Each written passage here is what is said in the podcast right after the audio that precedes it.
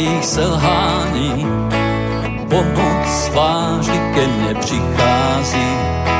Slovo tvé je mi majákem, Světlo a pokoj moří bouřlivému. Oh, oh. Světlo a pokoj moří bouřlivému.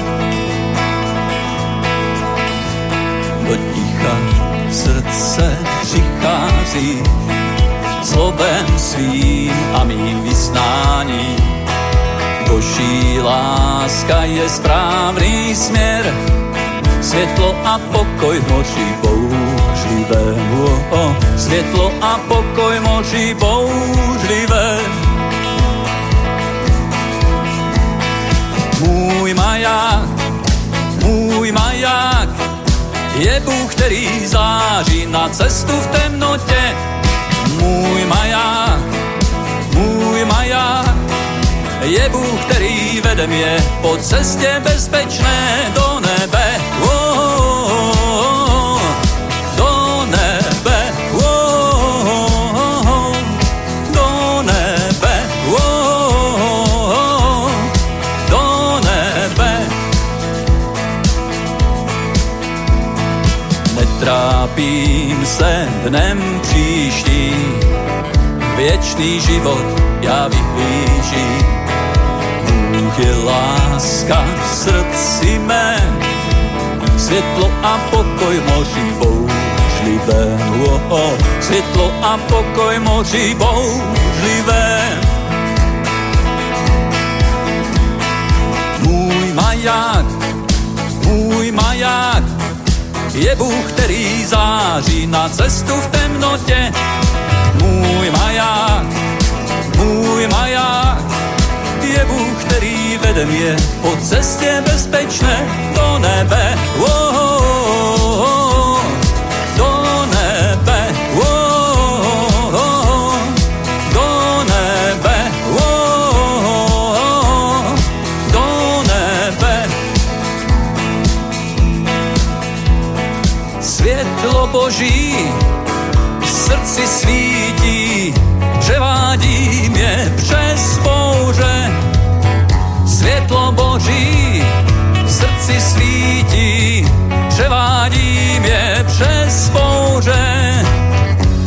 Světlo Boží srdci svítí, převádí mě přes bouře.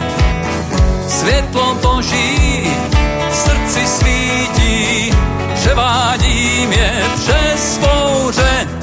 Můj maják, můj maják, je Bůh, který září na cestu v temnotě. Můj maják, Bůh, který vede mě po cestě bezpečné do nebe.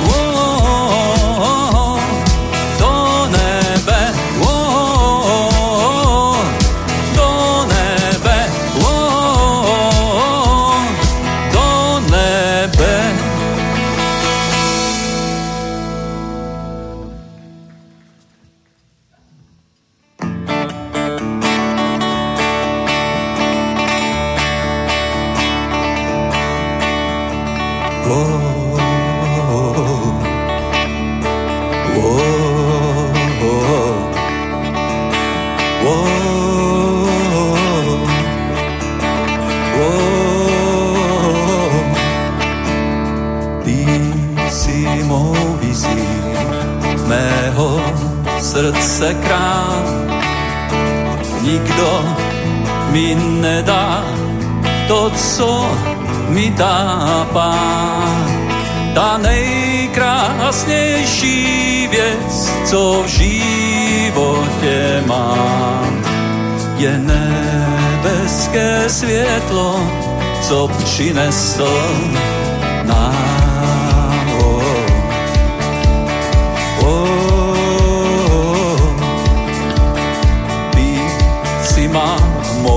moudrost, ty jsi mou pravdou.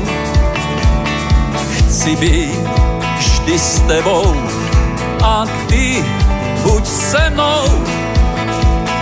Ty si můj otec a já jsem tvůj syn. Přebýváš ve mně, já tobě věřím. Oh.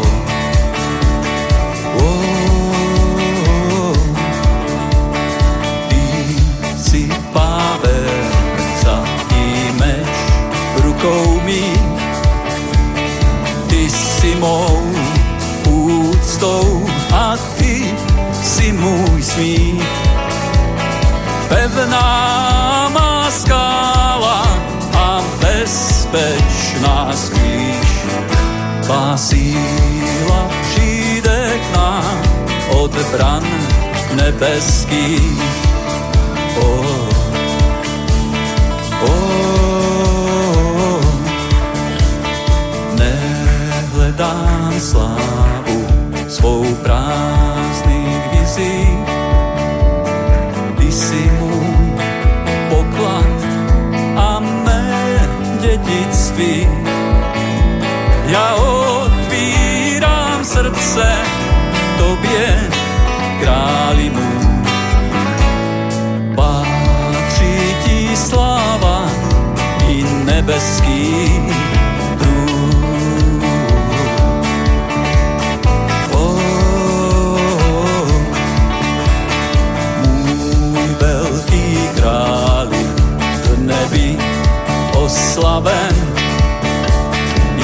Ja dobiehnu svůj běh a budu skříšen.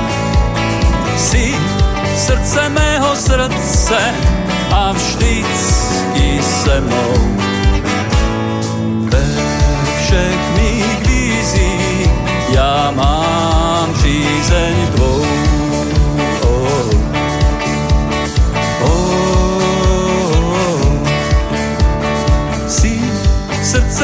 Srdce a vždycky se mnou. Ve všech mých vízích má, mám přízeň tvou.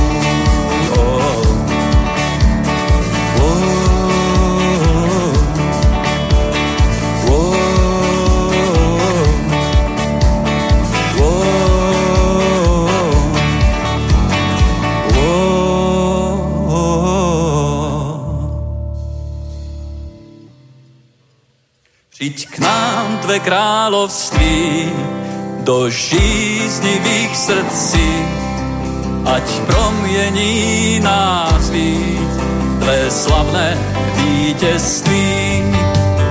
Pošli vášeň plamenou za poznáním, za pravdou tvou. Duchu svatý naplň život náš. Sme církev tvá, je Kristova sláva na nás. Tvou vůli hledáme, tobě se vzlížíme, v každém našem díle tvá ruka s námi je. Ty snímaš pouta věsněným, nouzi a bíde trápeným. My sloužit chceme tvému království. Jsme církev tvá, ať naplní zem sláva tvá.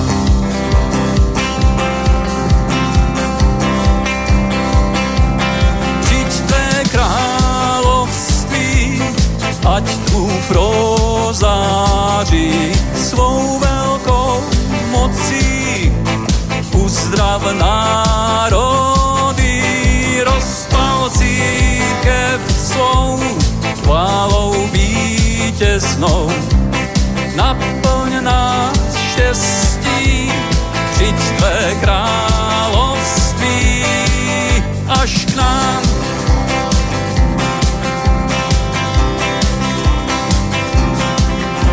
Odej nás mocí Boží, otevři srdcem nohy. Síly temna nemohou zvítězit nad láskou tvou. Jsme stvoření na tvůj obraz, zbuď dar ducha, který je v nás a naplň srdce láskou Kristovou. Tvá. Sme nadejí sveta.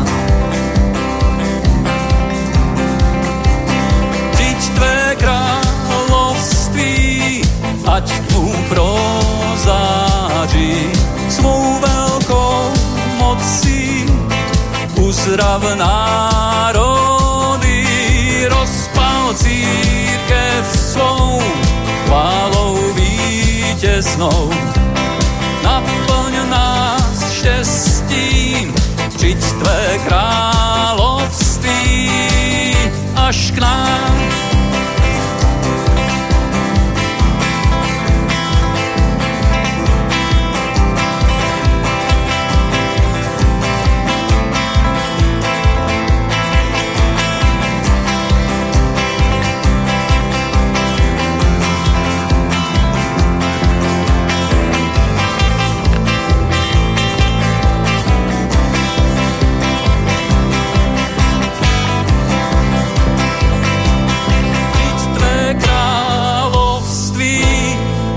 ať tmu prozáži svou veľkou mocí.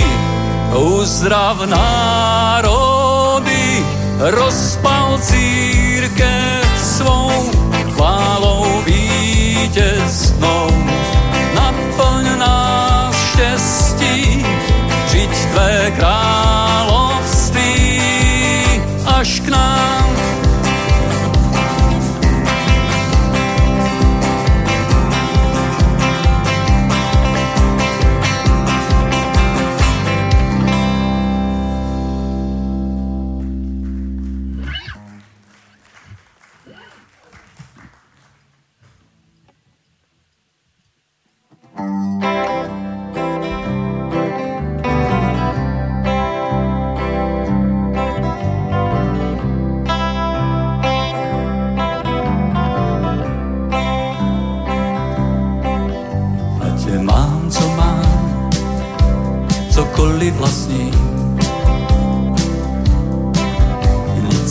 nevyrovná tvé přítomnosti.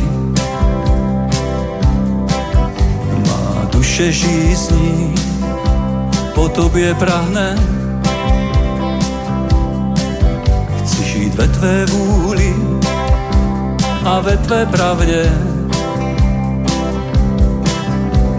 V tobě já se vzlížím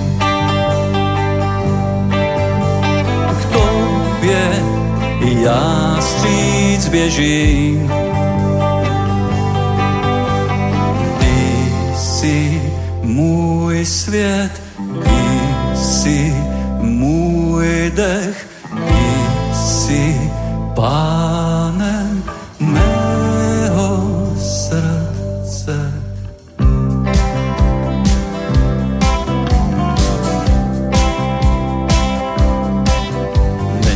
Radost větší, než více tě znát. Život věčný a šťastně se smá. Jen tobě patří, jen s tebou chci být. Tvému slovu věřím, že mě neopustíš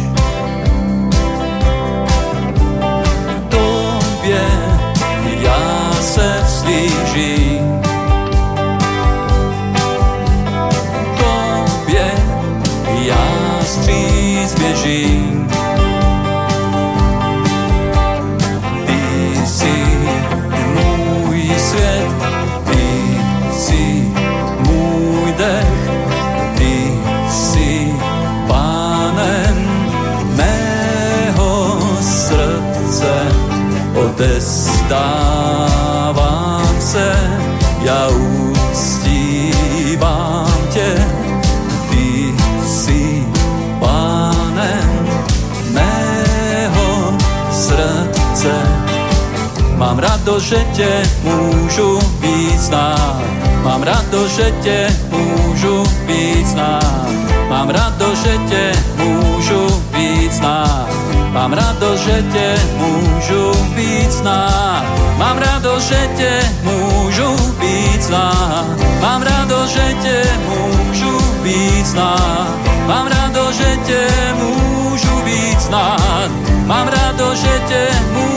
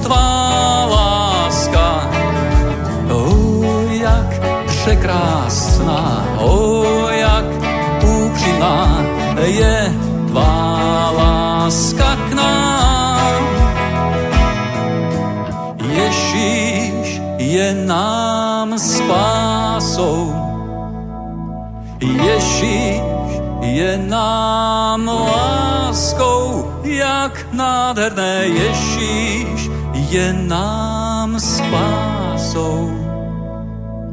On je láska, on zemřel za nás. Ježíš je nám spásou. Ježíš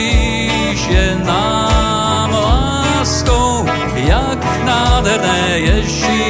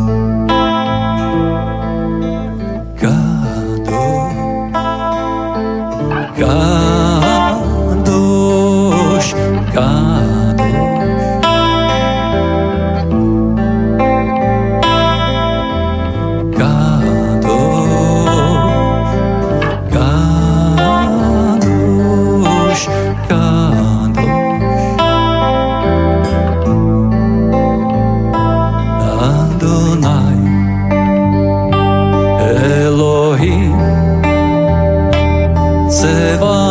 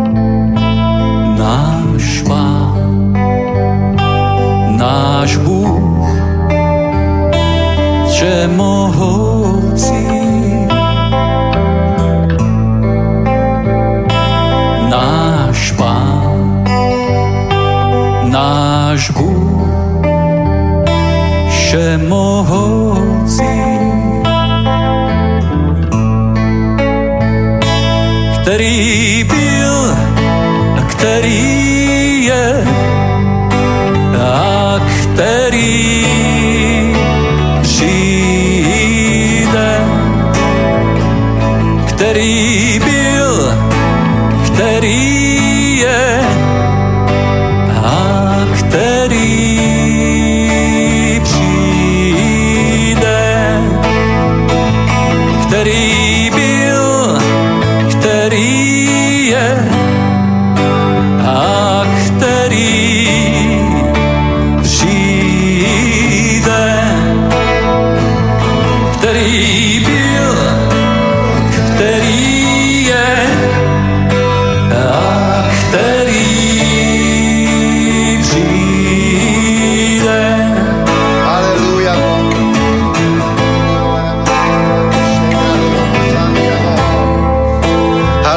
Všemohúci Bože, uctiame ťa, chválime ťa. Ďakujeme Ti, Pane, za väčší život, za odpustenie hriechov a uctiame Teba, lebo si svetý Boh, Pane. Si mocný Boh, nikto nie je ako Ty. Tebe patrí všetká chvála, všetká sláva, všetká úcta i všetká moc, Pane. A ďakujeme, že my sme ťa už poznali ako nášho spasiteľa osobného a že Ty poznáš nás, Pane, že naše mená sú zapísané v knihe života v nebesiach, lebo sme uverili, že Pán Ježiš Kristus stal z mŕtvych, Pane, a túto vieru nám počívaš za spravodlivosť a ďakujeme, že toto zmenilo absolútne všetko.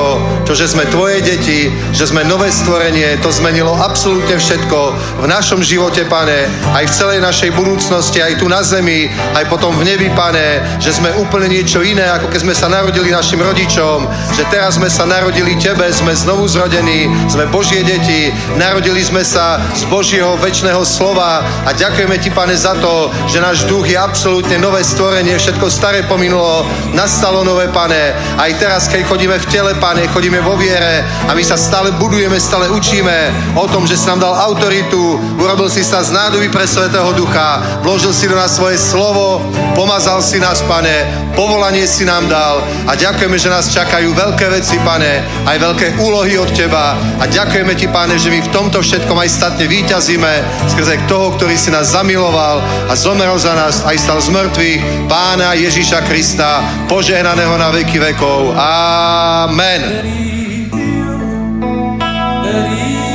Halleluja. A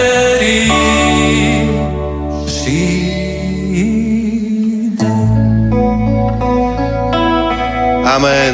Halleluja. Nech je požehnané meno pánovo, meno Ježíš. Takže ďakujeme, chválam. Môžete sa posadiť, Boží ľud, nech vás pán požehná. Takže najskôr niekoľko oznamov mám. A prvý oznam je, je, určite viete všetci, že už v piatok k nám prilieta Mateus van der Steen, takže v piatok už bude slúžiť na mládeži Mateus a potom v sobotu budeme mať tri bohoslužby a v nedelu ešte jednu. A v sobotu o 10. slúži Mateus, potom o 3. ja a potom o 6. večer zase Mateus a v nedelu o 10. do beda zase Mateus. Dobre? Takže o, príde sem, bude slúžiť Božím slovom a bude to úplne mocné, pretože on je jeden z mojich najobľúbenejších Božích mužov v tejto dobe a je to milosť, že máme práve o, taký dobrý vzťah, že sem proste príde, aj keď o, tu na nemá, ja neviem, na štadióne 20 tisíc ľudí, ale je to iba proste v nejakej miestnej cirkvi, kde bude, ja neviem, tak 100 ľudí, no viac, tak 200 ľudí, dajme tomu, tak aj tak príde a je to dobré. Je to dobré. Nie každý z týchto veľkých božích mužov by prišiel na takéto menšie stretnutie, ale on príde, síce mal prísť na konferenciu, jeho asistent to poplietol, takže bolo to také improvizované, ale ja verím, že to je od Boha. Dobre, ja som najprv plánoval, že to urobíme v Žiline, tú tradičnú konferenciu, teda druhý ročník, tak ešte to je tradícia, ale teraz už bude. A asi to bolo od Boha.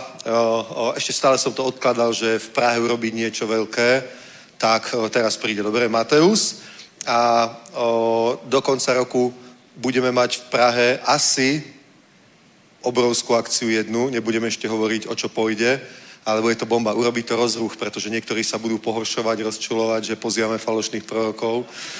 Niektorí budú nadšení, že pozývame takých božích mužov. A bude to, bude to sila. A okrem toho budú tie 4 Jesus eventy, 4 z tých 13 budú v Prahe. Takže a na, na tých Jesus eventoch budú takisto slúžiť mocní služobníci. Už vieme určite, že na jednom bude Peter Gamons, už vieme určite, že na jednom by mal byť Mateus, tak to už boli dva. Potom sme pozvali ešte Bena Fitzgeralda. Ešte nevieme, neozval sa? Dobre, takže to by mohol byť tretí. A potom ešte ja na jednu. takže bude to, bude to pekné, bude to bomba.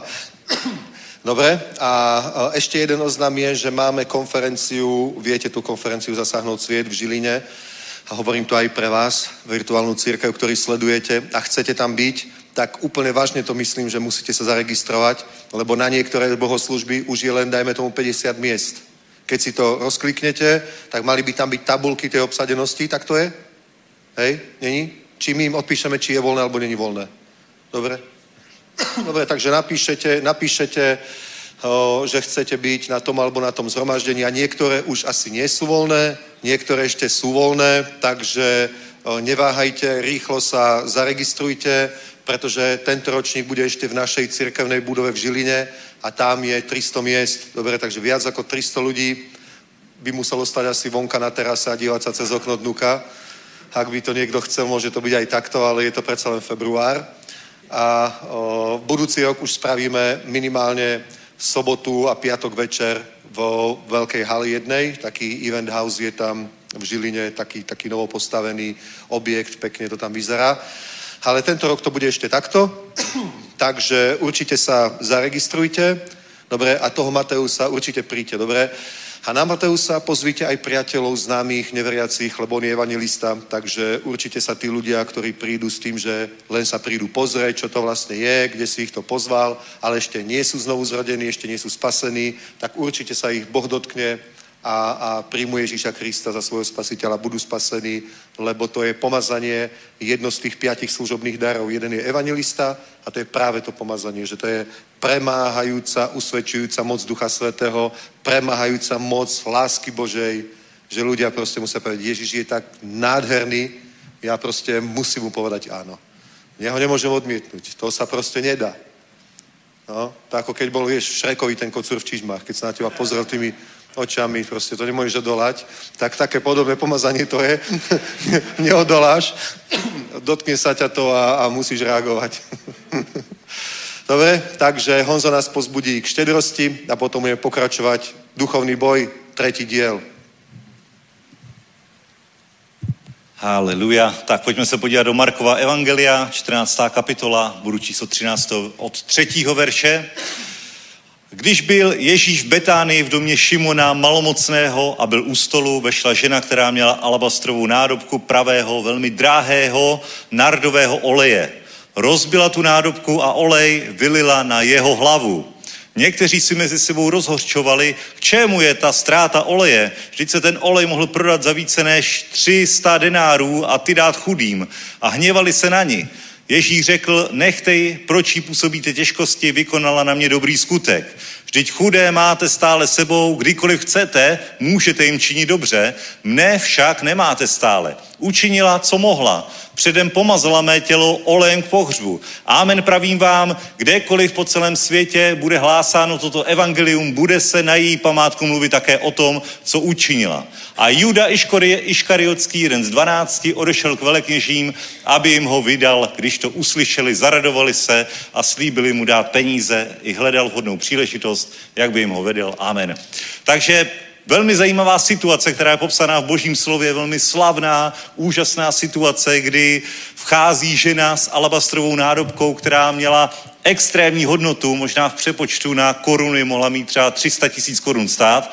Prostě velmi něco ceného, co ona, co ona rozbila, protože to byla taková ta nádobka s tím dlouhým hrdlem a když si chtěl otevřít, tak si musel rozbít to znamená, už se nedala znovu zavřít a musela se vypotřebovat a ona to vylila na Ježíše, pomazala jeho tělo k pohřbu, udělala takovouhle oběť, takovýto dar Bohu a vem si, že je to těsně před ukřižováním, těsně před tím, než Ježíš stál potom před Pilátem, těsně před tím, než nastaly všechny ty události, kdy byl vyšetřován, kdy byl bičován a podobně. A tehdy tehdy na všech těch místech, u té soudné stolice, kde seděl Pilát, tak se rozlínala tady ta vůně, tady, té, tady toho nardového oleje, který, Ježí, který ulpil na Ježíšově tělem. Muselo to být něco mimořádného, skvělého a to byla skvělá oběť pro Ježíše, který je Bůh, který je hoden veškeré oběti, té nejlepší oběti a je to něco, co ta žena pochopila a rozhodla se, že učiní tady tu mimořádnou oběť proto, aby tímto způsobem sloužila Ježíši, protože věděla, že tuhle nádobku má možná jako nějaké sociální zaopatření, něco, do čeho uložila svůj poklad tady na zemi, ale ona věděla, že tady není jenom proto, aby, že ten, ta nádobka nemůže být jejím zdrojem zdrojem pokladu, ale že je tady Ježíš, který je její zaopatřitel. Je tady někdo daleko vyšší, který dokáže naplnit každou její potřebu, který už v minulosti zasáhl velmi silně do jejího života a proto jednoduše chtěla mu dát to nejlepší. Amen. A vidíte, že velmi dobře je tady popsáno, že učedníci se rozhorčovali, že tady Marek prostě na férovku řekne, jakoby, že učedníci se rozhorčovali. A když čteme Janovo evangelium, které se píše o podobné situaci, tak Jan píše, že Jidáš, se, že Jidáš byl ten, kdo se rozčiloval. A je to takový, vidíš tu realitu toho evangelia, protože pravděpodobně Jan byl mezi těma, kdo se taky tak jako trochu rozčiloval, ale Jan to tam prostě nenapsal a svět to na toho Jidáše, ale ale líbí se mi prostě ta realita, ale Jidáš byl ten, kdo to nejenom, že se rozčiloval, ale ten to i neunesl. A potom, když viděl tady tu ztrátu, tak vidíme hned tady v desátém verši, že a Juda Iškariotský, Juda, který byl ten pokladník, který stahoval nějaké finance nelegálně ze sbírek, tak, eh, tak byl ten, který šel k velekněžím a bylo to pro něj ta poslední kapka, která ho přiměla k tomu, aby Ježíše vydal velekněžím, aby byl potrestán, ukřižován. Amen. Takže k tomuhle může dospět láska k penězům, k tomuhle může dospět nesprávné pochopení Ježíšova díla, vykoupení a zaopatření z jeho strany, ale my buďme ti, kdo se nebudou nejenom rozhořčovat, ale my buďme ti, o kterých, který budou zapsáni v evangeliu, kteří budou ti, jak říká Ježíš, amen pravím vám, kdykoliv po celém světě bude hlásáno toto evangelium, bude se na její památku mluvit také o tom, co ona učinila. Vem si to. Jedna nádobka, 300 tisíc korun, to je celkem dost, ale na věky zapsána v evangeliu. Na věky, na věky i tady v Praze 25. 1. 2023 se připomíná to, co ona 2000 let zpátky udělala pro Ježíše. A víš co? Nejenom to, co ona udělala, ale i to, co ty děláš pro Ježíše, je zapsáno, je to jasné, je to, jsou to skutky, které se přičítají na tvůj účet, je to něco, co bude připomínáno jako dokonalá oběť, kterou ty přidá, přinášíš Bohu. Amen. Takže ten dosah i takového, řekněme, prostého skutku, že někdo skutečně dá na Boží království, že pomaže Ježíše, že pomaže církev, že pomaže pomaže dílo, aby byla více zjevena Boží sláva, tak je to něco, co je nesmazatelně zapsáno na jeho účet, je to něco, co pán vidí a vidí postoj tvého srdce, že to neděláš pragmaticky, prostě chci být někde oslovován. A ani ona to nedělala tak, ale Ježíš na to reagoval tím způsobem, že tohle je skutek, který ona udělala ze srdce, ne ze závislosti na penězích, ne ze závislosti na slávě, ale ze srdce to pro mě učinila, mé tělo připravila předem k pohřbu a takto úplně nádherně všechno přichystala, aby pán byl i na cestě na kříž oslovován tím, jak se rozlínala ta vůně, která, která ho předcházela, jak všechno, a víte co, jak to muselo vytáčet všechny ty farizeje, když on tam Ježíš stál, oni ho odsuzovali a tam ten nádherný nárdový olej byl cítit tři metry okolo něj. Jak to muselo vytáčet. Amen. Takže a jediný Juda to neunesl. Juda reagoval tak, že si řekl, a jdu to, a jdu, a jdu to skončit, hotovo. Víš co, já myslím, že Ježíšovi možná trochu záviděl, že to taky možná chtěl zkusit, jaký je to pomazat se tady tím olejem. je to ale tak to už je trochu jiný příběh, bratři a sestry. To už je trochu jiný příběh, ale my pojďme povstat a buďme jako tato žena, pojďme zasít do Božího království a můžeš přinést svůj dar před hospodina, svůj dar a s tím vědomím, že činíš něco pro Ježíše, že činíš něco pro něj, že je to něco, co on ocení, co bude navěky zapsáno na tvůj účet Božím královstvím a co přinese požehnání do tvého života, protože ne poklady tady na zemi, ne stav našeho konta ti přinese uspokojení, ale to, že máš Ježíše, který vyřešil i tvoje finanční problémy, který klédbu chudoby přibyl na kříž, ta je zlomená, ta je hotová a teď ty si můžeš užívat těch benefitů Božího království. Amen. Haleluja. Děkujeme ti, pane, že jsi za nás zemřel. Děkujeme ti, že jsi nás, za, nás vytrhl i z prokletí chudoby. Děkujeme ti za to, že se o nás staráš, že máme co jít, co si oblíct, co pít, že neustále dbáš na to, aby tvůj lid prosperoval, pane, že nadáváš moudrost i to, jak tady nakládat se svými financemi, jak pracovat, co učinit, aby ty si na tom dal největší požehnání, tak ti děkujeme a předkládáme ti tuto sbírku dnes večer ve jménu Ježíš. Amen. Haleluja.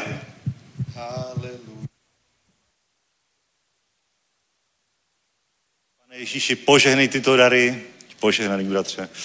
Poženej tyto oběti tvého lidu, nech se tyto dary rozmnoží v našich peněženkách, účtech každého, kdo věrně dává, kdo zasévá do božího království, dej boží moudrost božímu lidu, jak vydobít peníze z této země ve jménu Ježíš. Amen. Haleluja. Haleluja. Sláva Bohu. Takže poďme na to, Božie slovo otvoríme. Kde? Kde? Koloským, prvá kapitola. Duchovný boj, tretia časť teda. A čo potrebujeme vedieť o našej autorite. Samozrejme, nechcem znovu čítať tie isté verše, ktoré som už hovoril, ale vychádzame z toho, čo je napísané v Markovi v 16. kapitole, 16. verš. Je napísané, 15. verš je tento. Ten, kdo uverí a dá sa pokrstiť, ten bude spasený, kdo neuverí, bude odsúdený. To je 15. A 16. verš je, a tých, ktorí uveria, budú za tieto znamenia, v mojom mene budú vyháňať démonov, budú hovoriť novými jazykmi a, to, a potom ďalšie a ďalšie. Ale hneď prvé je, že v mojom mene budú vyháňať démonov a to je niečo, čo nám znie v tejto dobe úplne, úplne o, mimo našu kultúru, našu spoločnosť proste a, a asi žiadna církev sa nechce prezentovať tým, že vyháňa démonov o, tu v Európe, lebo, vieš, tu sú ľudia proste vzdelaní, rozhladení, kultúrni, že? a vyhanenie démonov, to sú tie odstrašujúce príklady, nejaký taký o, šialený kňaz proste s vytreštenými očami, proste s krucifixom v ruke, ako kričí apage satana za niečo také. A nikto nechce, aby ho považovali za takéhoto. Ale pravda je, že o, keď fakt čítame Evanília, aj skutky, tak musíme uznať, že to bola jeden z pilierov Ježišovej služby. Dobre, pretože Ježiš prišiel na to, Biblia hovorí, na to sa zjavil Syn Boží, aby ničil skutky satana. Dobre? Aby ničil skutky satana, ktoré sú v ľudských životoch. Lebo veľa tých trápení, ktoré ľudia majú, tak o, to sú práve tie skutky satana, ktoré Ježiš musel ničiť. A jedna vec je napraviť nejaký skutok satana, dajme tomu, ja neviem, keby ti o, ja neviem, tornádo zbúralo dom, dobre, tak skutok toho tornáda je, že ty máš zbúraný dom a treba ho znovu postaviť a iná vec je, keby v tom dome začalo bývať tornádo. Že? Tak to už by sa tam potom vôbec nedalo fungovať. Dobre, takže jedna vec je, že niečo, niečo sú skutky satana, ktoré treba napraviť. Dobre, Ježiš prišiel, aby zničil skutky satana. Napríklad to dobre vidno, keď prišiel Ježiš do niektorej synagógy a tam bola žena, ktorá chodila proste takto zohnutá. Dobre, taká krýva. Kedy si sme aj na dedinách mohli vidieť také, také o, tety, napríklad, že a ja som mal, keď som bol u Starkej na Disney, tak to tak bolo. Dnes už ľudia majú lepšiu starostlivosť, dobre, tak o, o, nevyzerajú tak, ale skrátka bola tam takáto nejaká krýva žena. A Ježíš, keď ho videl, tak pred všetkými povedal, aj keď vedel, že sa im to nebude páčiť. Lebo to bola sobota a oni to brali ako prácu, to jeho liečenie. Dobre? tak tej žene hovorí, že tebe hovorím, vystri sa. A ona sa proste narovnala a bola uzdravená. A oni sa začali na Ježiša hnevať a on hovorí, že vy pokryci, či táto dcera Abrahámova, ktorú Satan poviazal, už je to 18 rokov, čo jej to spôsobil, nemala byť práve v sobotný deň uzdravená. Či vy neodvezujete, ja neviem, vaše zvieratá, aby sa aj v sobotu išli napiť vody do Válova? Hej, tak hovorí, že keď zvieratá rozviažete, aby sa mohli ísť napiť. Nemala byť táto dcera Abrahama práve v sobotný deň rozviazaná, aby proste bola zdravá. Takže to bol skutok diabla. Dobre, Ježiš nevyhnal s nej diabla, ale bol to skutok diabla. Hovorí, že diabol ho poviazal pred 18 rokmi a odtedy bola taká skrivená. Dobre, takže zničil ten skutok diabla. Dobre, jedna vec je, že ničíme skutky diabla. Napríklad, keď uzdravujeme chorých, ničíme skutky diabla. Keď slúžime niekomu, kto je napríklad o, má nejaký zničený život, je závislý na drogách, dobré, a my mu slúžime Božou mocou a on je vyslobodený, tak sme zničili skutok diabla. Že? To je proste jedna vec. A druhá vec je, že Ježiš povedal, v mojom mene budú vyháňať démonov. A niekedy to vidíme veľakrát písme, že Ježiš povedal, že tý duch taký a taký vidí z neho, alebo opustí ho, alebo vidí z neho. Že? Teda niekedy, niekedy je priamo ten duch v človeku a to sa potom nejako prejavuje, ale k tomu sa dostaneme. Ale Dobre, takže Ježiš povedal, v mojom mene budú vyháňať démonov, znamenie. A teraz pozrite list Koloským, prvú kapitolu, 13. verš.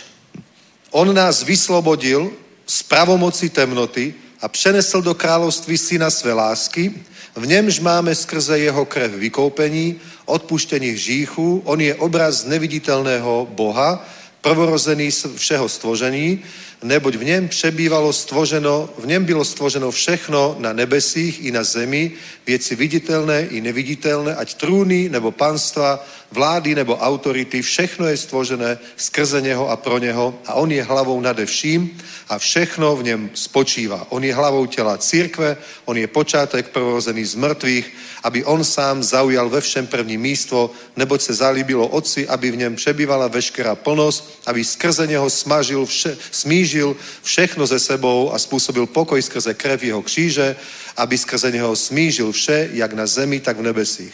Dobre? Takže Biblia hovorí, a z tohoto my musíme vychádzať. Ak máme my vyháňať démonov, najprv sa musíme zhodnúť na tom, že ich máme vyháňať. Dobre? Ak máme vyháňať démonov, musíme rozumieť tomu, že máme autoritu. Dobre? Že v Kristu, hovorí tu na Božie slovo, že On nás vyslobodil, v slovenskom preklade máme, že On nás vytrhol z moci temnoty a přenesl do kráľovství syna své lásky. Dobre? To znamená, teda kým nás Ježíš nevyslobodil, a nepreniesol, tak sme boli pod pravomocí, inými slovami pod autoritou, pretože tam je slovo exkúzia, to znamená autoritu. Dobre, tak kým Ježíš nás ne, neoslobodil a nepreniesol, tak sme boli pod právomocou temnoty, že? A nemali sme vôbec žiadnu autoritu nad temnotou ani nad démonmi a nemali sme vôbec ničím by sme ich vyhnali. Na to ti nepomôže ani svetená voda, ani proste nejaký magický predmet, alebo nejaký magický obrad proste, alebo návšteva nejakého liečiteľa, alebo nejakého gurua proste a pred zlými duchmi sa človek neubráni ani, ani pyramídou, ani kryštálmi proste, ani tým, že bude objímať stromy, ani tým, že bude jesť zelený jačmeň alebo cvičiť jogu. To sú proste všetko také moderné spôsoby, aby sa človek nejako tak energeticky vyladil, dobre, alebo podľa toho feng shui, aby si správne zariadil o, o, o byt, aby proste mal postel na správnom mieste, správne otočenú, na správny smer, na správnu svetovú stranu, aby mal dobrý spánok, aby sa dobil energiou, keď spí. Ale to proste nepomôže. To nie sú veci, ktorými by sme čokoľvek pozitívne mohli urobiť v duchovnom svete, čo by sa mohlo pozitívne dlhodobo prejaviť na našom živote. Proste to sa nedá. To sa nedá, lebo o, samozrejme, že to človek prichádza do styku a chce nejakým spôsobom ovplyvniť nejaké duchovné sily, o, ktoré, ktoré proste nejako intuitívne vieme, že sú, cítime to, ľudia to popisujú rôznym spôsobom, ale nedá sa to proste úplne skúmať empiricky, proste lebo sa to skrátka nedá. Neexistuje žiadny seriózny, akoby oficiálny vedný odbor, ktorý by skúmal duchovný svet. Proste neexistuje ale nepochybujeme, že je skutočný. Pretože aj nejaký, dajme tomu, ja som 100% presvedčený, že aj ľudia, ktorí sú vedci a skúmajú napríklad duchovný svet, dobre, alebo nie, skúmajú nejaký, nejaký, nie, niečo vedecké, napríklad fyzik to môže byť, dobre, a pritom sám môže veriť niečomu duchovnému. Sám môže, dajme tomu, meditovať, alebo cvičiť jogu, alebo niečo podobné, alebo môže byť buddhista, alebo môže byť proste, ja neviem, niečo iné. Možno to nepovie pred kolegmi, ale, ale proste ľudia robia také veci. Je to populárne, je to, je to moderné. Dobre, čítať horoskopy, volať vešcom, je to moderné, lebo ľudia cítia, že za dosiahnutím úspechu alebo nejakej pozitívnej zmeny treba niečo viac ako len nejaká snaha proste a drina, niečo takéto. Že? Tak sa snažia nejako nakloniť šťastie, už akým spôsobom si vyberú, tak takýmto robia. Ale O, toto keď človek robí, tak je to len o, o viac a viac sa proste norí do toho, do toho bahna, dobre, ktorého práve stiahuje do toho, že už je nakoniec úplne spacifikovaný. Vieš, to je ako keď sa napríklad niekto topí v nejakom tom močiari a čím viac sa proste metá, hýbe, proste tým skôr ho, ho to bahno pohltí a je hotový. Musí tam zachovať pokoj proste a, a tak, kľud, koncentrovať sa, nájsť nejaké reálne riešenie. Ale Vidíte proste, takto to je a Ježíš to vyriešil tak, že vyháňal týchto démonov. Že tie, môžeme povedať, že tie negatívne duchovné sily, dobre, grecké slovo je to daimon alebo daimonion, dobre, tak on ich jednoducho vyháňal von z ľudského tela. Dobre? Proste vyháňal ich normálne, povedal, choď z neho preč, vidí von, odiť. Dobre? A, a niekedy sa to nejak prejavilo, niekedy sa to nejak neprejavilo, ale výsledok bol, že ten človek potom žil od toho oslobodenia, jeho život už bol lepší a išiel hore, hore, hore, hore. A do toho vyslobodenia jeho život bol v nejakej zlej situácii, alebo stagnoval, alebo išiel dole. A možno sa aj snaží. Každý, kto sa má zlé, predtým, než rezignuje a vzdá sa, tak každý skúša nejako z toho von. Až keď zistí, že skúsil som to, skúsil som to. Každý, kto je chorý má, má rakovinu napríklad, tak, tak o, skúša liečbu. Ide za, za lekárom a ty ho pošlú na vyšetrenia a, a všetko je ochotný. Proste chemoterapiu, toto, proste všetko. A keď, keď to nepomôže, tak hľada na internete nejakú alternatívu liečbu. Dobre, a povie, že tam je nejaký odborník v Číne, ktorý to lieči, ja neviem, pijavicou. Dobre, tak cestuje tam, minie, ja neviem, pol milióna skúsi to. Nakoniec, keď ani to nepomôže, tak niekto mu doporučí nejakého ľudového liečiteľa alebo niečo. Vieš, takto to ľudia robia predtým, než sa úplne vzdajú. Vyskúšajú skrátka všetko. Že? A Ježíš o, o, o tieto sily má nad nimi vládu a autoritu, lebo tu je napísané, že on je hlavou. On je především a všechno v něm spočíva. On je hlavou těla církve, tak on je, on je nad, nad všetkým týmto má autoritu. Prostě není nikdo mocnější jako on. Není žiadna silnejšia bytosť ako on, pretože všetky bytosti sú stvorené, iba Otec, Syn a Svetý Duch je, je Boh, ktorého nikto nestvoril. Nemá počiatok, nemá konec, nemá otca, nemá matku, je prvý aj posledný. Boh, definícia Boha je to, že nie je to stvorená bytosť. Kdežto všetko ostatné sú stvorené bytosti. Či je to človek, zviera, aniel, padlý aniel, čokoľvek. Proste sú to stvorené bytosti. Dobre, sú stvorené bytosti a stvoriteľ má nad nimi autoritu. Môžu sa búriť, koľko chcú, aj tak má nad nimi autoritu. Že? Dobre? A práve Ježíš, a v tomto to bolo iné od nejakých iných prorokov starého zákona, iných služobníkov, že Ježíš proste o, o, jednoducho robil to, čo nikto nerobil v starej zmluve, on vyhaňal démonov. To nerobil nikto. Nikto predtým to nerobil. Mojžíš buchol palicou na Červené more, to sa otvorilo a celý Izrael prešiel suchou mohou na, na, na druhú stranu. To urobili. To urobili proste. Urobili veľké zázraky, ale nikto nikdy nevyhaňal démonov v starom zákone, až prišiel Ježíš a on to robil. A preto práve žasli. Všetci boli hotoví, proste, že to, to sme nikdy nevideli. To sme nikdy nevideli a boli tam také extrémne prípady, že tam bol tak demonizovaný človek, že býval v nejakých hroboch. V tej doby hroby boli také jaskyne vysekané v pieskovci, dobre, do toho sa ľahko sekalo tak vysekali si tam proste hroby, takom, akom bola Ježiš pochovaný. A v takomto nejakom hrobe, kde už ale aj boli nejaké kosti, nejaký mŕtvi, tak tam býval nejaký úplný blázon, proste posadnutý človek.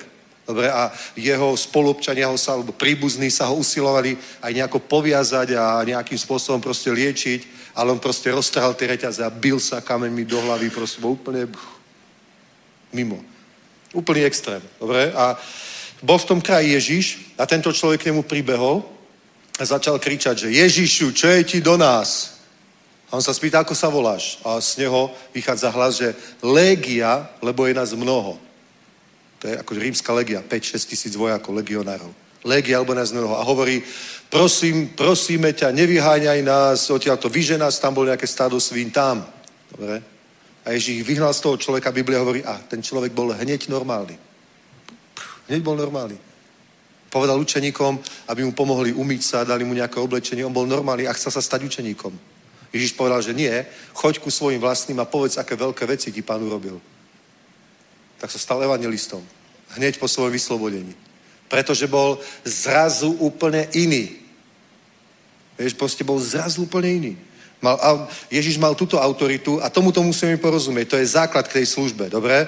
Nie, aby sme vedeli nejakú teóriu, že sú démoni ale aby keď sa s tým stretneš a slúžiš, alebo sa stretneš aj vo svojom živote, vo svojej rodine, kdekoľvek, že sa deje niečo divné a zvláštne, nemusí sa zlaknúť proste a teraz byť hotový, že, že čo to má byť. Chcem, aby si vedel, že máš autoritu. Dobre? Máš autoritu a to je prvá vec, ktorej musíme vychádzať, lebo Ježiš povedal, že V mojom mene budú vyháňať démonov. To je hneď prvá vec. A tu pozrite.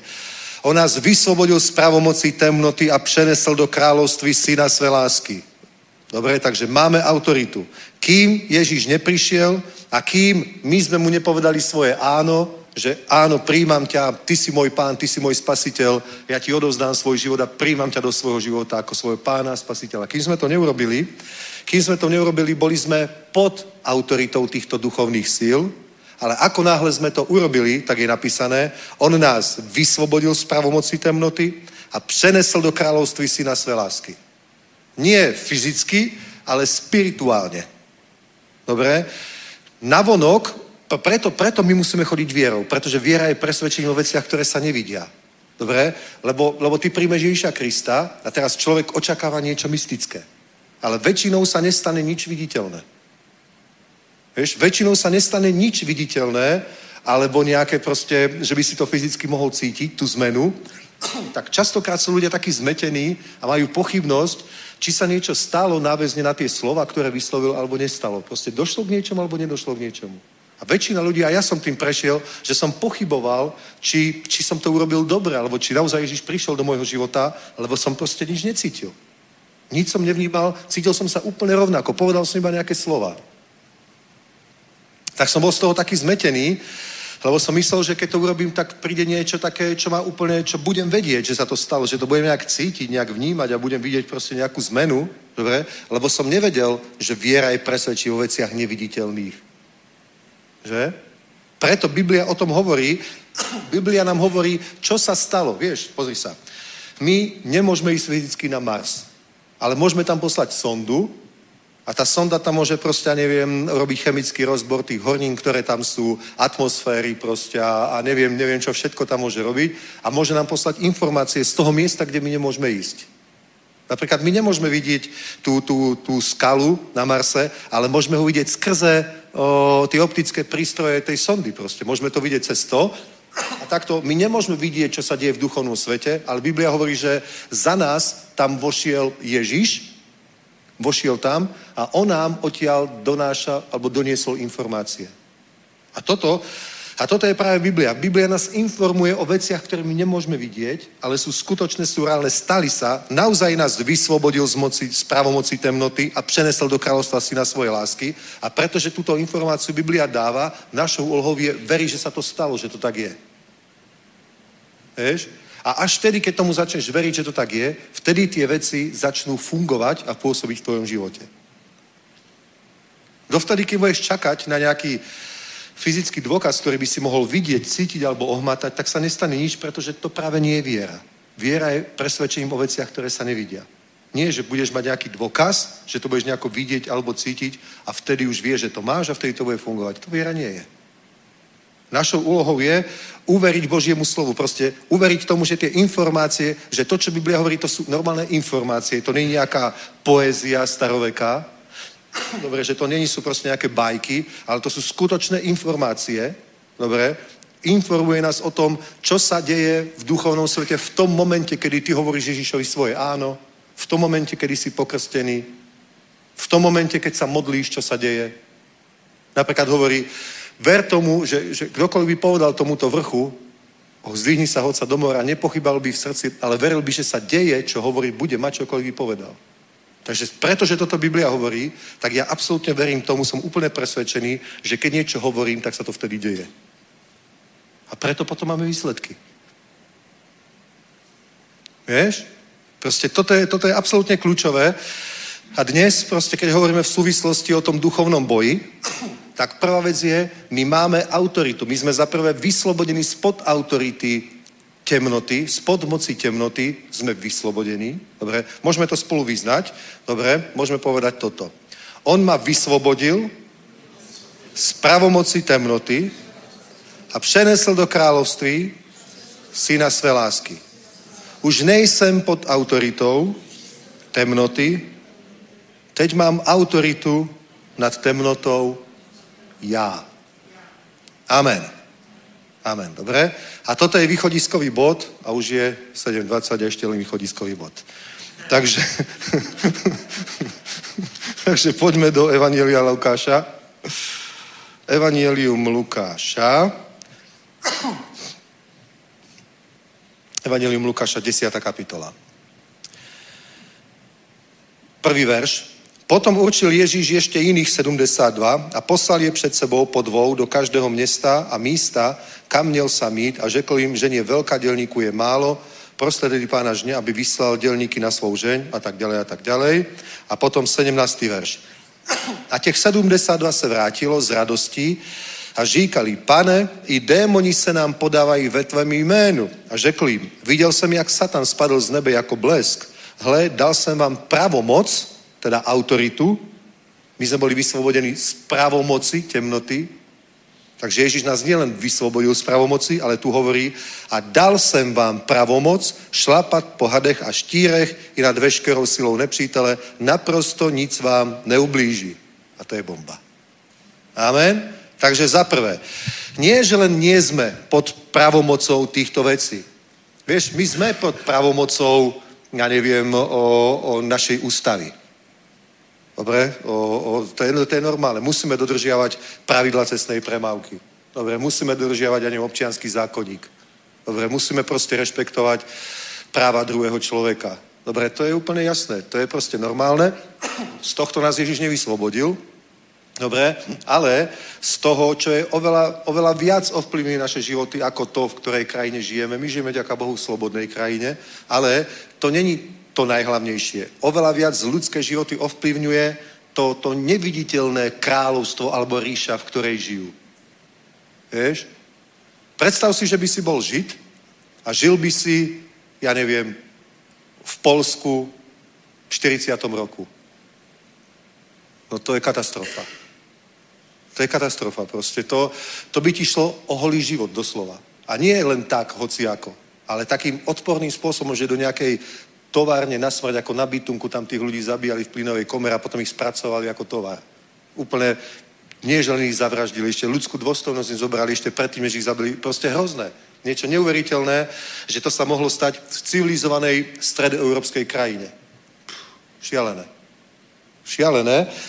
A predstav si, že to je, to je proste strašná, strašné štátne zriadenie, že k niečomu takému tam mohlo dochádzať. A teraz si predstav, že tá neviditeľná ríša satana je oveľa horšie, to, to je len ochutnávka, omrvinka toho, čo bola tretia ríša. Pod vládou nacistickej strany. Toto je proste ešte horšie. Vieš? Len ľudí to tak nedesí, pretože to nevidia. Vďaka Bohu, že to nevidíme. Vieš? Lebo človek napríklad môže mať dobrú prácu, môže mať milujúceho manželského partnera a aj tak sa cíti úplne katastrofálne. A aj tak proste bojuje s niečím iracionálnym. Bojuje proste s nejakými myšlienkami, ktoré nevie zapudiť, ktoré ho dovedú až, ja neviem, k depresiám, alebo k samovražde, alebo k niečomu. Vieš, koľko je takých ľudí? Dobre? Nie, to, to sú veci, ktoré totálne ľudí trápia, tie vnútorné problémy. Napríklad sa dostane do závislosti a potom, keď bojuje s tou závislosťou, vypijem, nevypijem. A každý deň toto zvádzať, niekoľko hodín, byť úplne v tom odolávaní. To je proste zúfale. to je zúfale. A predstav si, že tu na Ježiš hovorí, tu na Ježiš hovorí, hle, dal jsem vám pravomoc šlapať po hadech a štírech i nad veškerou silou nepřítele. Takže z tej ríše nás Ježiš vyslobodil a preniesol. A nie len, že nás preniesol, potom nám dal pravomoc šlapať po hade štírech a nad veškerou silou nepřítele. Chápeš? Ježíš nás spirituálne pozri sa, to není, není, to, není to tak, ako máme napríklad, ja neviem, svetové usporiadanie, že každá krajina má svoje hranice a ty si môžeš otvoriť, ja neviem, Atlas, môžeš si otvoriť, ja neviem, Google mapy. A presne vidíš, kde sú hranice, ja neviem, z Českej republiky, kde sú hranice, ja neviem, Somálska alebo tak, hej, a niektoré krajiny, kde sa bojuje, tie hranice nie sú jasné, napríklad Sýria teraz, ale, ale väčšina krajín to takto má a vieš úplne jasne povedať, tam leží Francúzsko, ja neviem, tam leží Uzbekistán a je to jasné. Lenže, lenže toto spirituálne kráľovstvo satana a kráľovstvo Božie sa prelínajú na tom geografickom území, sú akoby súčasne naraz a pre, prelínajú sa a nemajú takéto, takéto zemepisné hranice. Že v tomto sa proste prelínajú a sú súčasne a my sme proste ale spirituálne skutočne prenesení z toho kráľovstva temnoty, nie sme pod jeho autoritou a zároveň na tom istom území, kde je, o, ako hovorí Božie slovo, celý svet leží v zlom a Satan je Bohom tohto sveta. Dobre? Tak zároveň je tam prítomné aj Božie kráľovstvo, aj Božie kráľovstvo, lebo Ježiš povedal, kde sa dvaja alebo traja zidú v mene, ja som uprostred nich. Pýtali sa, kedy príde Božie kráľovstvo? Kedy príde kráľovstvo nebeské? Kráľovstvo Božie už je medzi vami. Už je tu medzi vami. Že? Takže zároveň je tu a je to množina ľudí, ktorí sú novým stvorením, sú znovu zrodení a disponujú touto mocou Svetého Ducha a autoritou, ktorú im dáva ich vzťah s Bohom, znovu zrodenie, že?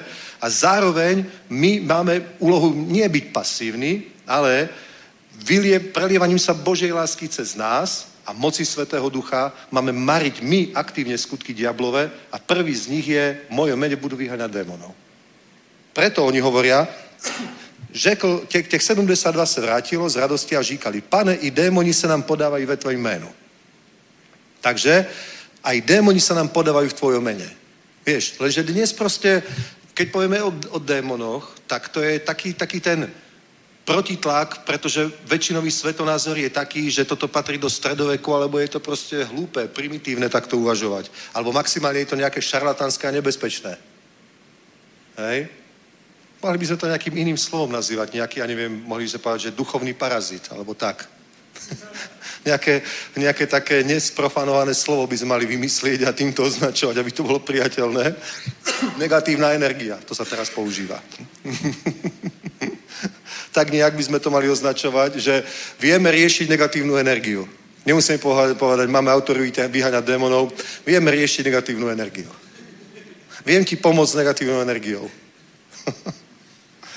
to by bolo populárnejšie, tak to hovoriť.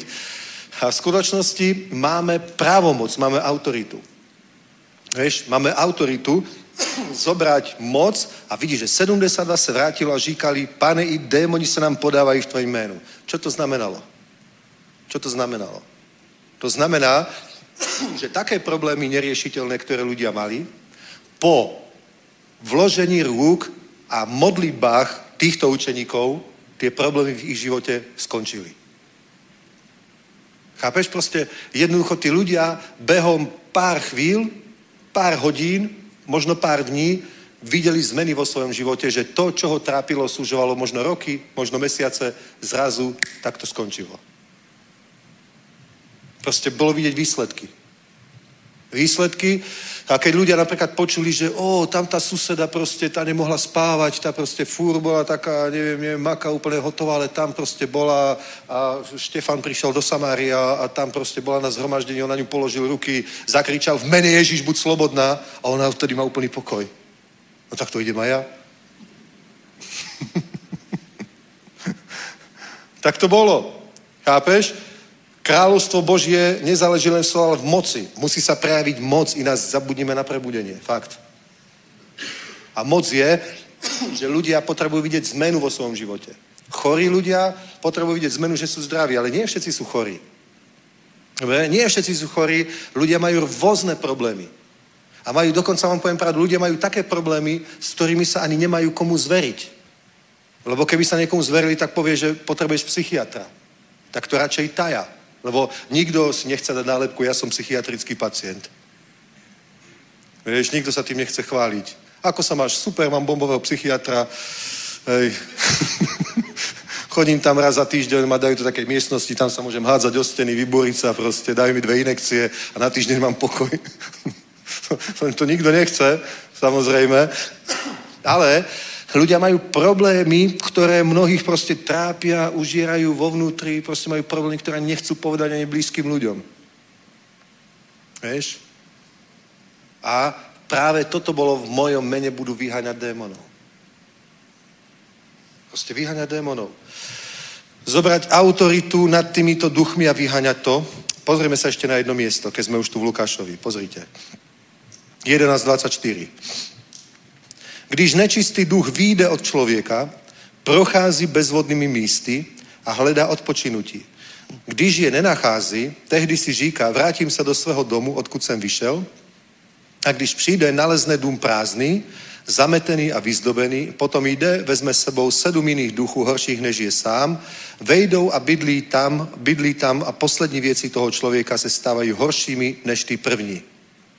Vidíš? Takže vidíš, když nečistý duch vyjde z člověka, prochází bezhodným místy, hledá odpočinutí, když nenachází, tehdy si říká, vrátím se do svého domu. Takže títo, títo duchovia, to sú proste, môžeme to povedať takto, duchovné entity, dobre, bez fyzického tela, ako máme my. Ale aj my sme duchovné bytosti, pretože aj my žijeme, aj keď nebudeme v tele.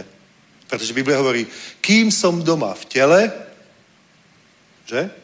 Hovorí, kým som doma v tele, ale keď odídem z tohto domu, keď sa vysťahujem a prídem do neba, vieš, myslíš si, že tela tých ľudí, ktoré sa rozkladajú v hroboch aj teraz, napríklad Bonke zomrel nedávno. Jeho telo je normálne niekde v hrobe, asi v Nemecku, a tam sa rozkladá, ale on normálne žije.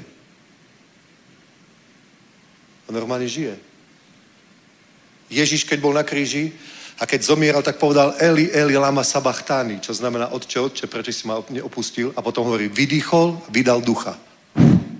Jeho duch opustil to telo, to ostalo bezvládne vysieť na kríži, potom si ho vypýtal Jozef Harimaty od Pilata, pochoval ho vo, svoje, vo, svoje, vo svojom hrobe, dobre, a Ježiš proste, to nebolo, že, že o, Ježiš už neexistuje. Už iba nebol v tom tele. Ale po troch dňoch sa znovu vrátil do tela. A ešte 40 dní chodil po zemi a kázal. Amen. Chápeš proste, my, my, my sme duchovné bytosti. Nie, my, my, my nie sme, že ja som telo. Ja mám telo. Ja poviem, toto je moja telesná schránka. Koho je to telesná schránka? Moja je to telesná schránka. Kto som teda ja? Rozhodne nie je telesná schránka. Mám telesnú schránku, ale nie som telesná schránka. Amen. Dobre, takto, to, takto musíme o tom uvažovať. A tie, títo démoni, to je bytosť, ktorá nemá túto telesnú schránku a nie je v nebi a nie je ani v pekle, ale sú tu na zemi. Dobre? To sú také duchovné bytosti a my ich musíme chápať, že je to niečo ako parazit, taký, taký duchovný. Dobre? Ktorý, keď, je, ktorý, keď, je, keď, máš, keď máš fyzického parazita, hlisty alebo niečo, samozrejme, tak ťa oberá o živiny keď je človeku tento duchovný parazit, tak ho oberá, je niekde na jeho emóciách, na jeho pocitoch, na jeho nálade, na jeho proste duševnom, duchovnom živote a nejako ho proste sužuje a trápi. Tak toto musíme vychápať. Že? A predstav si, že my máme nad tým normálne autoritu, že stačí povedať, že Ježiš hovorí, v mojom mene budú vyháňať démon. Že iba proste povieš, v mene Ježiš prikazujem démon alebo démoni, odíte z toho človeka a nemusíš pritom ani skákať ako šaman indiánsky, ani nič robiť proste. Je to, je to v tej viere a v tej autorite a je to v mene Ježiš. Jednoduché. Jednoduché a potom vidíš zmeny na životoch človeka, aj na svojom živote, aj na životoch ľudí vidíš zmeny. Amen. Dobre, tak toto je. A vidíš, že oni sú ale potom takí beťari, že sa chce vrátiť. Když přijde nalezne dům prázdný, zametený a vyzdobený, potom jde, vezme s sebou sedm iných duchů horších, než je sám, vejdou a bydlí tam a poslední věci onoho člověka se stávají horšími než první. Vidíš? On sa potom chce vrátiť do toho človeka, preto človek sa potrebuje obrátiť, oslobodiť, ak treba, naplniť Svetým duchom a zostávať naplnený Svetým duchom. Preto Biblia hovorí, neopiajte sa vínom, plnený buďte duchom. Musí, sa, musí zostávať naplnený Svetým duchom. Lebo keď zostane naplnený Svetým duchom, keď sa tam bude ten démon chcieť vrátiť, tak nemôže. Dobre, môže sa vrátiť iba vtedy, když přijde, nalezne dům prázdný, zametený a vyzdobený, potom ide, vezme sedm iných duchů horších než je sám, vejdou a bydlí tam a poslední věci onoho člověka se stávají horšími než ty první. Vieš? Preto sa stane, že keď sa človek napríklad obráti, uverí a kým, kým žije s Bohom, modlí sa, číta Bibliu, vyznáva hriechy, chodí do cirkvi, chváli pána, počúva Božie slovo, slúži. Dobre, keď žije tento duchovný život, tak zostáva naplnený Svetým duchom. Pretože tým, že čítaš Bibliu, tým, že sa modlíš, tým, že slúžiš, tým, že uctievaš, tým sa naplňuješ Svetým duchom. Dobre? Tým sa proste naplňuješ Svetým duchom A keď človek prestane robiť tieto veci, ale napríklad, neviem, už, už, už sa menej modlí, menej číta Bibliu, menej chodí do cirkvi, menej slúži, potom už neslúži, potom už sa nemodlí, už iba prečíta čas Biblie, potom už ani nečíta Bibliu, potom ešte príde do cirkvi, ale už iba raz za dva týždne, potom iba raz za mesiac, potom raz za pol roka a svoj čas žije v, cir, v krčme a medzi stami kamarátmi starými a v hriechoch a tak ďalej, tak proste nenaplňuje sa Svetým duchom, potom prídu tí démoni a člo, ľudia, ktorí odpadnú, tak veľakrát sa ich život ešte viac zhorší, ako bol predtým. Tak to je proste. Niekedy hovoria ľudia, ja neverím, že kresťan môže mať démona. Ja tiež neverím, že kresťan môže byť posadnutý tak ako Kadarenský.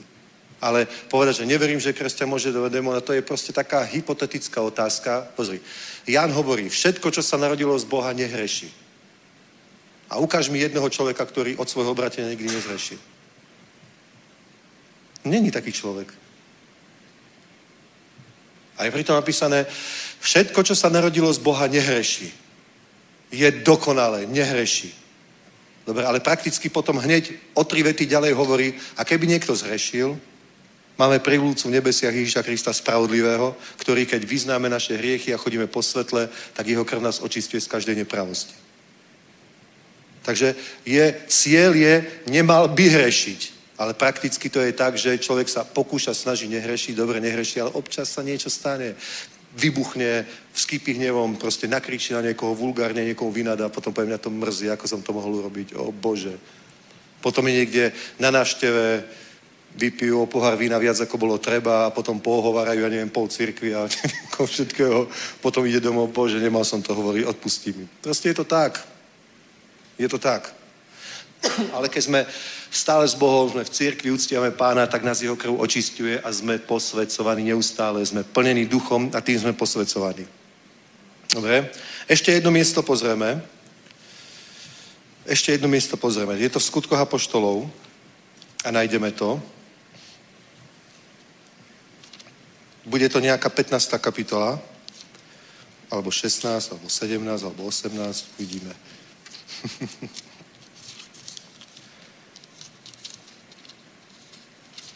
No, kde to bude, kde to bude, kde to bude? Pavol, Efeze. Mhm. Áno, áno, áno. Takže pozrime, 11. verš 19. kapitoly. A Bůh skrze Pavlovi ruce konal neobvyklé mocné činy, takže i na nemocné odnášeli šátky a zástěry, které se dotkly jeho těla a nemoci se od nich vzdalovali a zlí duchové vycházeli. Dobre? Také někteří potulní židovští zaklínači se pokusili, pokusili nad těmi, kteří měli zlé duchy, vyslovať jméno pána Ježíše a říkali, zaklínám vás Ježíšem, kterého hlása Pavel. To činilo sedm synů nějakého skévy, židovského velekněze. Zlý duch jim však odpověděl, Ježíše znám, O Pavlovi vím, ale kdo jste vy? A ten člověk v němž byl zlý duch, se na ně vrhl, ovládl dva z nich, přemlhl je tak, že nazí a zranení utekli z toho domu. Dozvěděli se o tom všichni židé a řekové, kteří bydleli v Efezu, padl na ně na všechny strach a jméno pána Ježíše bylo velebeno. A mnozí z těch, kteří uvěřili, přicházeli, otevřeně vyznávali a odhalovali své skutky. Mnozí, kteří se zabývali magií, snesli své knihy a především je pálili a spočítali jejich cenu a zhledali hodnou 50 tisíc stříbrných a tak pánovo slovo mocně rostlo a sílilo. Amen? Takže pozri. Pavol kázal v Efeze, ľudia videli zázraky a obrátilo sa veľa ľudí. Dobre? A oni sa obrátili ale obrátili sa, tak ako sa obráti skoro každý, dobre? Obrátili sa a nevedeli hneď všetko a ich rozhodnutie nebolo hneď úplne radikálne v každej oblasti života, dobre? Im sa páčilo, že sa dejú zázraky, to posolstvo Evanielia im dávalo zmysel, že budú mať väčší život, keď príjmu Ježiša, tak ho prijali, obrátili sa, videli zázraky, to ich presvedčilo, obrátili sa, boli v cirkvi. A potom sa tam stalo toto, že nejaký človek, ktorý nebol v cirkvi, začal tam, že zaklíname vás menom Ježiš, ktorého hlása Pavol, začali to skúšať. Ten demonizovaný človek ich zmlátil zranil a keď to videli ľudia, mnozí z těch, kteří uvěřili, tí, ktorí už uverili, ľudia, ktorí už uverili, otevřene vyznávali a odhovali své skutky. Chápeš? Oni už boli veriaci, už chodili do cirkvy a nevieme, aký dlhý čas to bolo. Ale až po tomto duchovnom strete videli proste, že aká to je vážna vec, proste netreba to brať na ľahkú váhu, až vtedy urobili totálnu inventúru vo svojom živote a vtedy sa roz, obratili úplne jasne. Pretože oni sa obrátili, ale ešte si nechovali, keď im fungovala mágia, keď im fungovalo to, keď im fungovali, to, fungovali tieto veci, tak oni sa toho hneď nezbavili. A zároveň knihy v tej dobe boli aj veľkým bohatstvom. Vieš?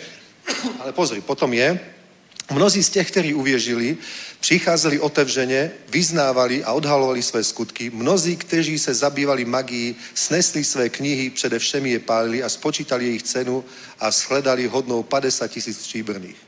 Chápeš? Oni sa rozhodli, my s týmito démonmi a s, týmto, s touto mágiou a s týmito okultnými vecami nechceme mať absolútne nič spoločné. Končím s tým definitívne a pálili to, aj keď to stalo 50 tisíc strieborných. To bolo, to bolo totálne veľa peňazí.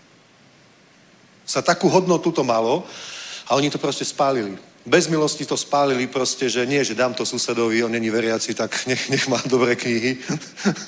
Ale oni to proste zlikvidovali úplne. Oni povedali, toto sú diablové nástroje a ja s tým nechcem nič mať. Nechcem to mať vo svojom dome, nechcem to mať vo svojom živote a nechcem, tomu, nechcem to ani nikomu dávať. Aj keď mi za to chceli zaplatiť. Proste koniec, zlikvidujem to. To bolo také radikálne, jasné obrátenie. Takže vidíš, preto to je teoretická otázka, že či môže mať veriaci človek démona alebo nemôže. Za prvé, čo si pod tým predstavujeme? Ja, či môže byť poslanutý démonom? Ja neverím, že môže. Dobre? Ale, že či môže, či môže mať démona, sa, ak sa obrátil, ale ešte stále sa napríklad zaoberá nejakými okultnými vecami, alebo ešte stále má doma takéto veci, ešte stále nevyznal určité hriechy, ešte stále neopustil určité hriechy, ale stále ich robí, alebo minimálne ich nejako nejako nechal vo svojom živote, tak samozrejme, že dovtedy ešte na ňo diabol má skrze tieto veci nejaký vplyv, alebo démoni. Takže neuvidí, neuvidí človek v plnosti dokonalú Božiu prácu vo svojom živote, kým neurobí radikálny res a s týmto proste neskončí. Vieš? Biblia hovorí, nedávajte miesto diablovi. Keby veriaci, keby veriaci nemal možnosť dávať miesto diablovi, tak by predsa Biblia nehovorila veriacím, nedávajte miesto diablovi. Chápeš? Keby nebola možnosť, aby mohol napadnúť diabol veriaceho človeka, tak by predsa nebolo, nebolo napísané, vzoprite sa diablovi a utečí od vás. Dobre? Keď, to znamená, keď, keď sa nevzopreš, keď nepoužívaš autoritu, keď mu dávaš priestor, tak môže prichádzať do tvojho života, pretože mu nechávaš otvorené dvere. Takže Keby sme položili otázku takto. Môže kresťan, ktorý je plný Svetého Ducha, žije v čistote, o, o, používa autoritu, modlí sa, môže mať demona, tak tam poviem 100% nie. Lenže realita je taká, že nie každý kresťan má tieto veci vo svojom živote v poriadku, pretože ešte napríklad nie je na takej úrovni duchovného rastu. Ešte je možno len nový vo viere, ešte dajme tomu o tom ani nepočul. Ešte ho ani nenapadlo, že toto by mohol byť problém. Vieš? Ešte, ešte ho napríklad Svetý Duch z tých vecí, dajme tu neusvedčil. Postupne ťa Boh buduje a rieši veci a ukazuje veci v tvojom živote. Takže otázka znie takto. O, o, môže mať kresťan démon alebo problém s démonmi? No pokiaľ bude žiť hriechu, nebude naplnený Svetým Duchom, bude, bude nábožný, o, nebude používať autoritu, bude proste kritický, všetko spochybňovať, bude proste negatívny, vieš, no tak, tak môže, no. môže. Ale keď je plný Svetého Ducha, plný viery, dobre, o, o, robí Božie skutky, chodí v Božej láske, dobre, zachoval sa v čistote, tak môže mať demona? No nemôže mať demona. To je pravda. To je pravda. To je tak, ako je napísané, co sa narodilo z Boha nehreší. Dobre? To je stav, do ktorého sa potrebujeme dostať. Dobre? To není stav, v ktorom sme hneď že nehrešíme. Čo sa narodilo z Boha, nehreší. Je pravda, že všetko, čo sa narodilo z Boha, nehreší. Je to, je to realita? No proste nie je. To nemôžem potom povedať, ty hrešíš, takže ty nie si znovu zrodený, nenarodil si sa z Boha, pretože toto ľudí zničí. To ľudí vystraší, zneistí, zoberie im to pokoj, zoberie im to istotu spasenia a urobí to z nich proste zúfalých ľudí. Lebo sa budú vlastnými silami snažiť, aby fakt nehrešil, bol úplne dokonalý a jednoducho to nedokáže, tak podobne stále dole, bude žiť pod odsúdením. To tiež nie je Boží cieľ. Vieš? Čo je Božou, čo je tvojou úlohou? Byť naplnený Svetým duchom, používať autoritu, chodiť vo viere a potom sa nemusíš ničoho bať. Amen. Halelúja. A vieš, prečo sa nemusíš ničoho potom báť? Lebo si ovcov, ktorá má pastiera. Amen. A pastier má palicu vo svojej ruke a tu palicu nemá na to, aby byl ovce, tú palicu má na to, aby byl vlkov. Amen. Pastier nebyl, som ešte nevidel pastiera, ktorý proste Zúza, poď sem, to sa volá tam jeho hlavná ovca, ona príde, tak jej trikrát buchne palicou po hlave a už chodí, dobre. Toto nerobia, to, to proste, prečo by to robil?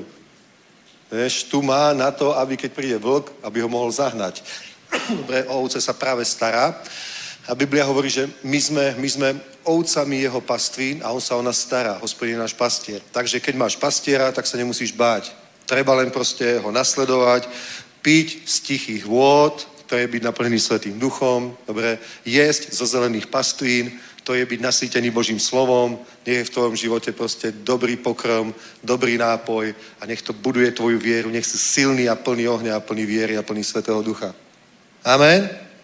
To je Boží plán. Dobre? A to je tá pasívna časť toho a zároveň to má aj tú, tú druhú stranu mince a to je, to, je, to je to, čo robí Ježiš pre nás. Dobre? To je tá pasívna časť pre nás. My sme v tom pasívni, to robí Ježiš. Dobre? My sme v tom pasívni, to robí Ježiš. My sa nepasieme, on nás pasie. My sme v tom proste pasívni a, a je to pre nás požehnaním.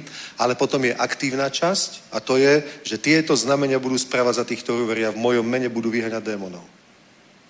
Dobre, musíme dostať službu na vyšší level. Aj napríklad zasáhnou sviet, musíme dostať, alebo stále posúvať tú službu na vyšší level. To znamená aj tí služobníci, ktorí sú kapitani a tak ďalej, a už to hovorím dlhší čas, je treba proste tým ľuďom hneď ponúknuť službu, ponúknuť modlitbu. Že nie, že im iba rozprávame niečo a ich to zaujíme, to je super, ale môžeme im ponúknuť proste službu, že môžeme na nich vložiť ruky a, a pomodliť sa za nejaký problém, aby dostali dôkaz o tom, že Ježiš je dosť mocný na to, aby ich oslobodil. Amen? Halelúja. Lebo vám poviem, že niektoré problémy, niektoré problémy v ľudských životoch sa ne, nedajú vyriešiť žiadnym iným spôsobom. Žiadny iný spôsob není iný, ako je vyhnať démonov. Vieš, to, dobre, to, že my žijeme v spoločnosti, v kultúre, ktorá má proste takýto svetonázor, ako má, na jednej strane je to dobré, hej, to, to osvietenstvo, čo prinieslo, hej, že fakt to ľudí vyslobodilo z, z prehnanej poverčivosti, z prehnaného náboženského strachu, že fakt nie, nie všetko je Božie znamenie a nie všetko je diabol útok proste a nie všetko je démon. Hej, lebo to je, to je proste, no, boli by sme na smiech, keby sme takto uvažovali. Takže na jednej strane to fakt oslobodilo západnú spoločnosť, niekam mu to posunulo, ale na druhej strane o, aj tak majú ľudia, mnohí ľudia veľa neriešiteľných problémov, ktoré proste riešia jedine nejakými psychiatrickými liekmi, to utlmujú alebo tak ničím iným. Dobre, a, to, a to nemyslím proste, že, že, nie, že toto je démon a každá diagnoza je démon, to vôbec nechcem povedať. Dobre? Iba je veľa, veľa... Po, dobre, je, je pravda, že niekto môže mať paranoidné predstavy. Áno, je to choroba, je to v poriadku. Ale je pravda, že sú ľudia, ktorí sú normálni a napríklad ich doma v ich byte navštevuje nejaký duch. Ja som x takýchto ľudí zažil, mnohým takýmto ľuďom sme slúžili, modlili sa za nich a boli oslobodení. Nedávno jedna rodina kúpili dom, kúpili dom, vôbec nevedeli proste, kto v tom dome predtým býval, kúpili ten dom a ako ho kúpili niekoľko mesiacov, nemohol spať ani muž, ani žena, ani deti. Proste boli úplne hotoví. Fúr, deti sa báli, že tam proste niečo je, že tam straší, tak im povedia, čo rodičia strašila neexistujú, že potom aj, aj oni niečo videli, nechceli si to navzájom povedať, potom proste povedali aj žena, hej, aj tak, hej, a jeden brat sa tam bol modliť a proste oni sa potom obrátili, jeden brat sa tam bol modliť a všetko je v poriadku. Amen? Chápeš? A, to, a teraz čo? Teraz čo? Jediná možnosť je vyhnať démonu. Alebo buď mohli predať dom a kúpiť si nejaký iný, odísť preč, alebo keby tam ostali, tak by sa, keby sa išli poradiť s nejakým odborníkom, lekárom, tak im povie, že majú, že sú proste paranoidní, alebo neviem čo, nasadím na to nejaké tlmiacie, nejaké sedatíva, nejaké lieky, dobre? Ale pritom nehovorím, že každá choroba je proste démon, to vôbec nehovorím. Iba hovorím, že sú, ľudia normálni, proste, ktorí zažívajú všelijaké problémy, na ktoré proste nie je iné riešenie. A to osvietenstvo to nevyriešilo. Áno, poverčivý strach, ktorý, ktorý bol iracionálny, ktorý sa na ničom nezakladal, to je iná vec. Že v lese žije baba Jaga v pernikovej chalúbke a, a chová tam malé deti, aby ich potom piekla v peci. Dobre, to je, to je, a deti nechoďte preto do lesa. Tak deti sa budú bať do lesa, lebo je tam baba Jaga. Áno, to je iracionálny strach. Ale potom sú aj skutočné, skutočné problémy, ktoré ľudia majú. A ja vám poviem pravdu, raz sme s Jankou pozerali, bolo to na Spektre, myslím, taký dokument. A úplne ma to zaujalo. Ja som mu zavolal, náhodou som to prepol a zavolal som mu, že poď sa na toto pozrieť. Tak sme to potom pozerali, celé sme si to pozerali od začiatku a bolo to, volá sa to, že spánková paralýza. Neviem, či ste o tom niekedy počuli. Že spánková paralýza. Vieš, za koľkých ľudí sme sa my za tých 30 rokov modlili, čo mali takúto podobnú vec? Že napríklad sa v noci zobudil a nemohol sa ani pohnúť, nemohol sa nadýchnuť, cítil, že niečo, ako keby mu proste sedelo na hrudi, tlačilo, proste nevedel sa pohnúť a boli úplne hotoví. A my sme to pozerali a, a tam zrazu nejaká žena, to bola nejaká aziatka a hovorí, až potom som zakričala meno Ježíš a celé to odišlo. A to bolo normálne na spektre. A potom to skúmali, normálne úplne seriózne a povedali, že, že nevieme, ako je to možné, ale a skúmali to práve meno Ježíša. Potom bolo viacero prípadov, že ale ľudia, ktorí napríklad veria, majú kresťanskú vieru, veria v Ježíša, vždycky keď vyslovili to, tak to odišlo. Zajímavé. Zajímavé. A, aj kopu ľudí, aj do ktorých by ste to nepovedali. Aj do ktorých by ste nepovedali. Normálne mladí ľudia, vysokoškolskí vzdelania a tak ďalej. Jeden brat hovoril, že skoro každú noc, každú noc takto nad ním, normálne otvoril oči, potom sa už aj nebal, takto, takto nad ním niekto stal proste ako v tme a ako by to bola proste čierna diera, ešte väčšia tma, v ktorej by sa to ako strácalo takto. Jeden starší brat, on už je tiež 30 rokov v Kristu, v Kristu ale on keď sa obrátil, jeho, jeho manželka sa obrátila a, a pozvala nás ešte s jedným bratom, aby sme išli svedčiť jej mužovi. My sme mali vtedy 20 rokov. Dobre, on mal asi 40 možno vtedy. 35. Ja neviem, tak koľko mohol mať. 40 asi. tak, sme, tak sme mu išli slúžiť. A proste nakoniec sa obratil, ale hovoril zaujímavú vec, že keď bol na základnej vojenskej službe, tak slúžil ako, ako stráž, nejaký muničný sklad niekde v lese proste strážili. Hej? A ako bol na tej vojne, od prvého dňa potom, potom o, ako sa to volalo, ten kde sú tie prvé tri mesiace, vieš, ten, ten základné. Ako? Príjimač. Príjimač. A potom, keď ho už odvelili na, to, na tú jeho službu, tak strážil nejaký muničný sklad.